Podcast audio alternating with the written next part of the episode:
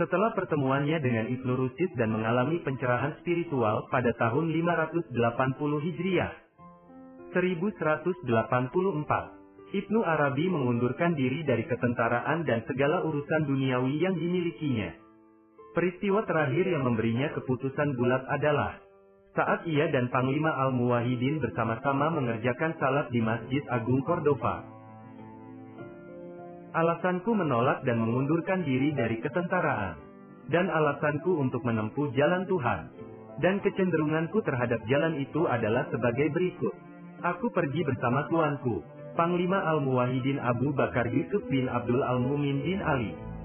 Menuju ke Masjid Agung Cordova dan aku melihat dia bersimpuh, sujud dengan rendah hati memohon pada Allah.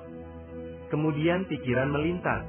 Hati, menerpaku, sehingga aku berkata pada diriku sendiri, jika penguasa negeri ini begitu pasrah dan sederhana di hadapan Allah, maka dunia ini tidak ada artinya.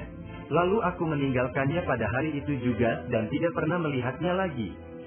Sejak itu aku mengikuti jalan ini. Begitulah, Sejak saat itu, Ibnu Arabi mengabdikan diri pada kehidupan spiritual dan penghambaan penuh terhadap Allah, sesuai dengan ajaran yang diberikan oleh Isa, Musa dan Muhammad. Pada 590 Hijriah, 1193, ketika pikiran-pikirannya telah mengkristal, ia berkelana mengelilingi Andalusia. Pertama ia menuju kota Murur untuk menemui Syekh Abu Muhammad Al-Maururi. Selanjutnya ia meneruskan kelananya ke Cordova dan Granada. Setelah puas menikmati kelananya ke berbagai kota di Andalusia, ia ingin menyeberangi laut dan menuju daratan lain. Ia pun pergi ke Bejayah, Bugia, Aljazair untuk mengunjungi Syekh Abu Madian, seorang pendiri aliran tasawuf yang barangkali adalah syekh paling terkemuka pada zamannya. Abu Madian adalah seorang yang sangat berpengaruh pada diri Ibnu Arabi, Hal ini terlihat dari kisah-kisah yang ditulisnya sendiri, mengenai tokoh-tokoh spiritual pada zamannya. Meskipun keinginannya untuk bertemu dengan Abu Madian secara fisik tidak pernah tercapai.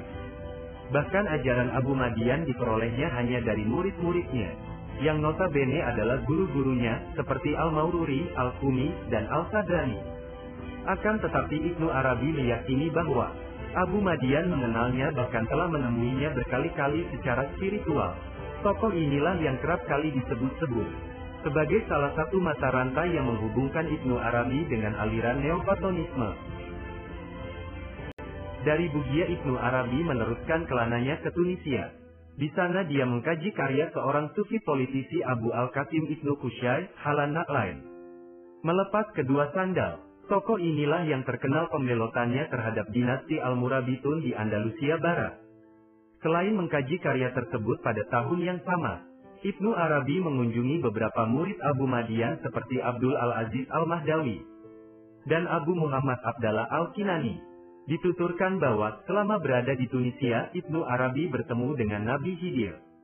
Pertemuan kemudian terjadi lagi ketika pada akhir 1194. Ibnu Arabi kembali ke Andalusia.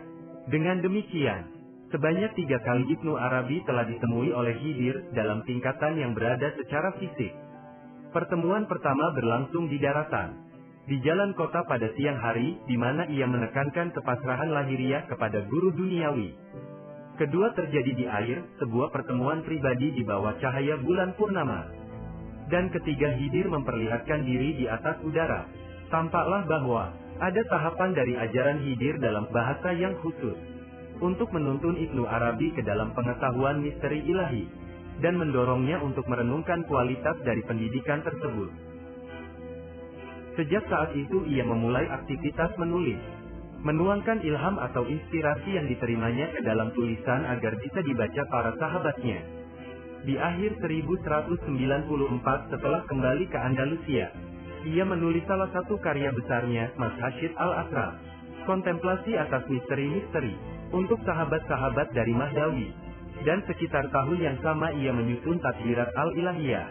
Pemerintahan ilahiyah untuk Al-Maururi. Dalam periode 10 tahun, sejak pengunduran dirinya dari pemerintahan Al-Muwahidin dan memasuki jalan rohani, Ibnu Arabi melakukan perjalanan yang menandai masa instruksi dalam kebijaksanaan kenabian.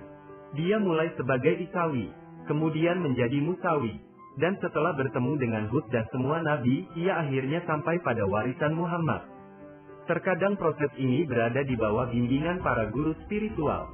Terkadang melalui campur tangan langsung dari para nabi itu sendiri. Ibnu Arabi dengan jelas melihat seluruh proses perkembangan spiritual dan kewalian dari segi kebijaksanaan khusus dari para nabi dan rasul. Bagi dia kebijaksanaan-kebijaksanaan itu tidak lain adalah ekspresi integral dan menyatukan kebijaksanaan Muhammad. Warisan kenabian ini membentuk basis nyata dari semua tulisannya. Ia mulai sebagai pengikut Isa, menekankan pada penarikan diri, dan kemudian di dalam jalan spiritual Musa saat cahaya wahyu diturunkan. Setelah melalui tempat-tempat wahyu diwakili oleh masing-masing nabi, dia akhirnya sampai pada warisan sempurna dari Muhammad. Ketika ayahnya meninggal dunia, lalu disusul ibunya beberapa bulan kemudian, Ibnu Arabi menerima kenyataan bahwa ia harus merawat kedua saudara perempuannya sehingga ia harus meninggalkan kehidupan spiritualnya. Desakan duniawi juga muncul ketika terjadi ketegangan politik antara Al-Muwahidin di Sevilla dan Raja Alfonso VIII dari Castile. Ibnu Arabi mendapat tawaran pekerjaan dalam pasukan pengawal sultan. Karena teringat ucapan Sali al-Adawi, Ibnu Arabi menolak tawaran itu.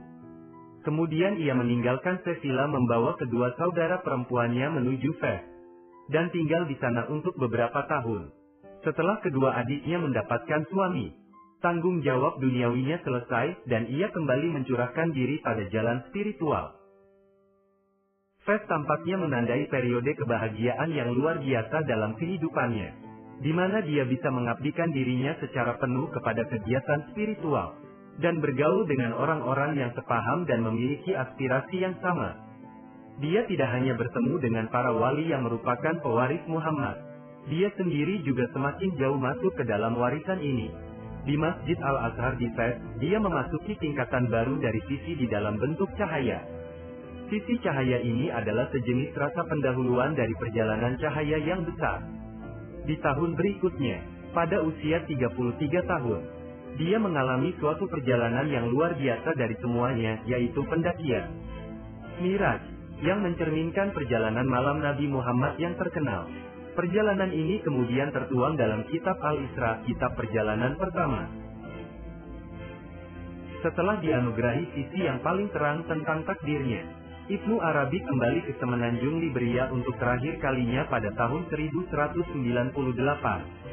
Di bulan Desember tahun itu, ia berada di Cordova saat pemakaman Ibnu Rushid. Kemudian dari Cordova, bersama sahabat dekatnya Al-Habashi, mereka menuju ke Granada dan kembali bertemu dengan Abdallah Al-Maurauri pada bulan Januari tahun 1199 di Granada. Ibnu Arabi mendapat sisi yang memperkuat makna dari penutup para wali. Dari Granada mereka menuju Murcia. Setelah dua tahun berada di negeri kelahirannya ini, mereka pergi ke Marrakesi. Pada awal 1201, dari kota ini mereka menuju Bugia lagi. Setelah itu berkelana ke Tripoli, Tunisia, Mesir dan kemudian menuju Mekah. Di akhir perjalanan panjangnya dari barat, Ibnu Arabi akhirnya tiba di Mekah pada pertengahan 1202. Di kota ini, namanya mencuat. Para tokoh dan ilmuwan pun sering menemuinya. Di antara mereka adalah Abu Syuja al-Imam al-Muwakil, yang mempunyai seorang putri cantik dan cerdas bernama Nizam. Gadis ini memunculkan inspirasi pada diri Ibnu Arabi, sehingga lahirlah karyanya Turjuman al-Ashwa.